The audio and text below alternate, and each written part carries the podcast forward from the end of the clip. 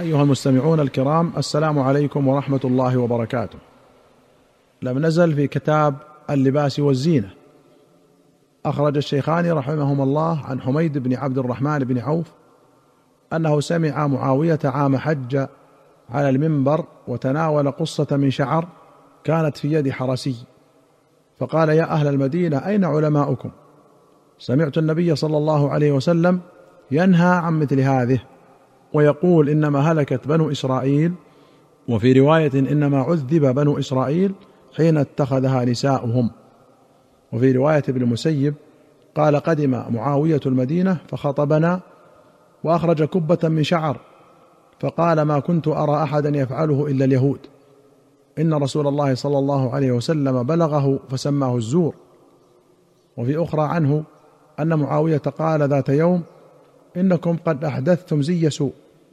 وإن نبي الله صلى الله عليه وسلم نهى عن الزور. قال قتادة يعني ما تكثر به النساء أشعارهن من الخرق. والقصة هي شعر مقدم الرأس والكبة شعر مكفوف بعضه على بعض والحرسي واحد الحرس. وفيه اعتناء ولاة الأمور بإنكار المنكر وتوبيخ من أهمله. وأخرج مسلم عن جابر بن عبد الله رضي الله عنهما قال زجر النبي صلى الله عليه وسلم أن تصل المرأة برأسها شيئا.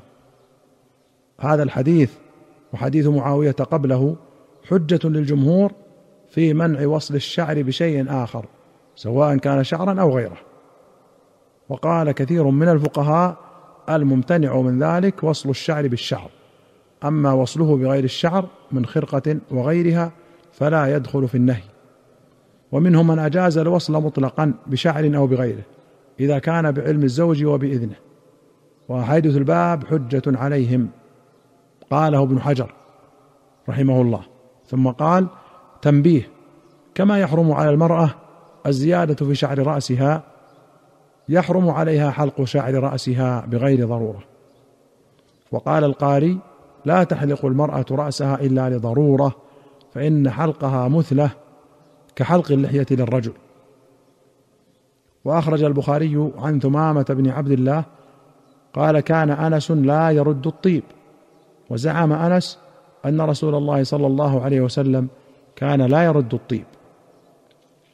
وأخرج أبو داود والترمذي في الشمائل والبزار والبغوي والضياء المقدسي رحمهم الله بسند حسن عن أنس رضي الله عنه قال كانت للنبي صلى الله عليه وسلم سكة يتطيب منها. قال ابن حجر السكة طيب مركب وقيل الظاهر أن المراد بها ظرف فيه طيب ويشعر به قوله يتطيب منها لأنه لو أراد بها نفس الطيب لقال يتطيب بها. وأخرج مسلم عن أبي هريرة رضي الله عنه أن رسول الله صلى الله عليه وسلم قال من عرض عليه ريحان فلا يرده. فإنه طيب الريح خفيف المحمل. الريحان كل نبت مشموم طيب الرائحة. قال القاضي عياض ويحتمل أن يكون المراد الطيب كله. وقال ابن حجر ورد النهي عن رده أي الطيب مقرونا ببيان الحكمة في ذلك في حديث صحيح.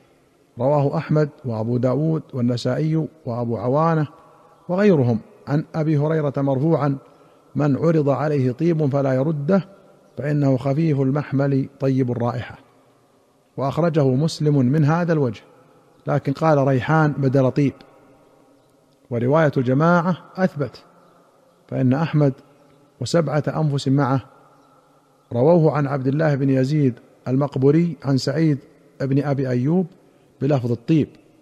ووافقه ابن وهب عن سعيد عند ابن حبان. والعدد الكثير أولى بالحفظ من الواحد. وأخرج مسلم عن نافع قال كان ابن عمر إذا استجمر استجمر بالألوة غير مطراه وبكافور يطرحه مع الألوة ويقول هكذا كان يستجمر رسول الله صلى الله عليه وسلم. قوله يستجمر أي يتبخر ويتطيب من المجمرة التي يوضع فيها الجمر. والألوة والألوة عود البخور. تفتح همزته وتضم وقوله غير مطراه أي غير مخلوطة بطيب غيرها. وأخرج البخاري ومسلم عن أنس رضي الله عنه قال نهى رسول الله صلى الله عليه وسلم أن يتزعفر الرجل. وفي رواية نهى صلى الله عليه وسلم عن التزعفر يعني للرجال. أخرجه الجماعة. وقال الترمذي ومعنى كراهية التزعفر للرجل أن يتطيب به. قال ابن حجر اختلف في النهي عن التزعفر. هل هو لرائحته لكونه من طيب النساء ولهذا جاء الزجر عن الخلوق أو للونه فيلتحق به كل صفرة؟ وقد نقل البيهقي عن الشافعي أنه قال أنهى الرجل الحلال بكل حال أن يتزعفر وآمره إذا تزعفر أن يغسله. وسبق قريبا حديث عبد الله بن عمرو راى علي النبي صلى الله عليه وسلم ثوبين معصفرين فقال إن هذه من ثياب الكفار فلا تلبسهما. فقلت أغسلهما؟ قال لا بل أحرقهما. وأخرج أحمد وأبو داود والترمذي والنسائي وابن خزيمة وابن حبان والحاكم والبيهقي في الشعب بسند حسن عن أبي موسى الأشعري رضي الله عنه أن رسول الله صلى الله عليه وسلم قال أيما امرأة استعطرت فمرت على القوم ليجدوا ريحها فهي كذا وكذا. وفي رواية فهي زانية وكل عين زانية.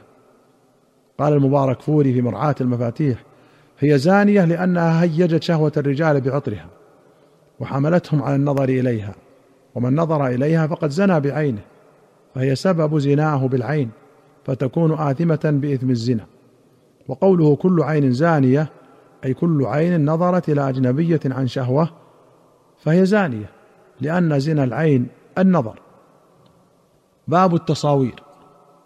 أخرج البخاري ومسلم رحمهما الله عن ابن مسعود رضي الله عنه أن رسول الله صلى الله عليه وسلم قال إن أشد الناس عذابا يوم القيامة عند الله المصورون ولمسلم عن مسلم بن صبيح قال كنت مع مسروق في بيت فيه تماثيل مريم.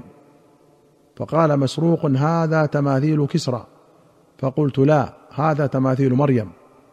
فقال مسروق أما إني سمعت عبد الله بن مسعود يقول قال رسول الله صلى الله عليه وسلم أشد الناس عذابا يوم القيامة المصورون. قال النووي تصوير الحيوان حرام شديد التحريم وهو من الكبائر. لأنه متوعد عليه بهذا الوعيد الشديد وسواء صنعه بما يمتهن أو بغيره فصنعته حرام بكل حال لأن فيه مضاهاة لخلق الله تعالى وسواء كان في ثوب أو بساط أو درهم أو دينار أو إناء أو حائط أو غيرها. وأما تصوير الشجر ورحال الإبل وغير ذلك مما ليس فيه صورة حيوان فليس بحرام. هذا حكم نفس التصوير. وأما اتخاذ المصور فيه صورة حيوان فإن كان معلقا على حائط أو ثوبا ملبوسا أو عمامة ونحو ذلك مما لا يعد ممتهنا فهو حرام. وإن كان في بساط يداس ومخدة ووسادة ونحوها مما يمتهن فليس بحرام. ولكن هل يمنع دخول ملائكة الرحمة ذلك البيت؟ فيه كلام. ولا فرق في هذا كله بين ما له ظل وما لا ظل له. هذا تلخيص مذهبنا في المسألة. وبمعناه قال جماهير العلماء من الصحابة والتابعين ومن بعدهم. وقال آخرون يجوز منها ما كان رقما في ثوب سواء امتهن أم لا. وأجمعوا على منع ما كان له ظل ووجوب تغييره. قال القاضي إلا ما ورد في اللعب بالبنات لصغار البنات والرخصة في ذلك. وادعى بعضهم أن إباحة اللعب لهن بالبنات منسوخ بهذه الأحاديث. وأما قوله أشد الناس عذابا فقيل هو محمول على من فعل الصورة لتعبد وهو صانع الأصنام. وقيل هي في من قصد مضاهاة خلق الله تعالى. فأما من لم يقصد بها العبادة ولا المضاهاة فهو فاسق صاحب ذنب كبير ولا يكفر كسائر المعاصي. إلى هنا أيها المستمعون الكرام نأتي إلى نهاية هذه الحلقة. حتى نلقاكم في حلقة قادمة إن شاء الله. نستودعكم الله. والسلام عليكم ورحمة الله وبركاته.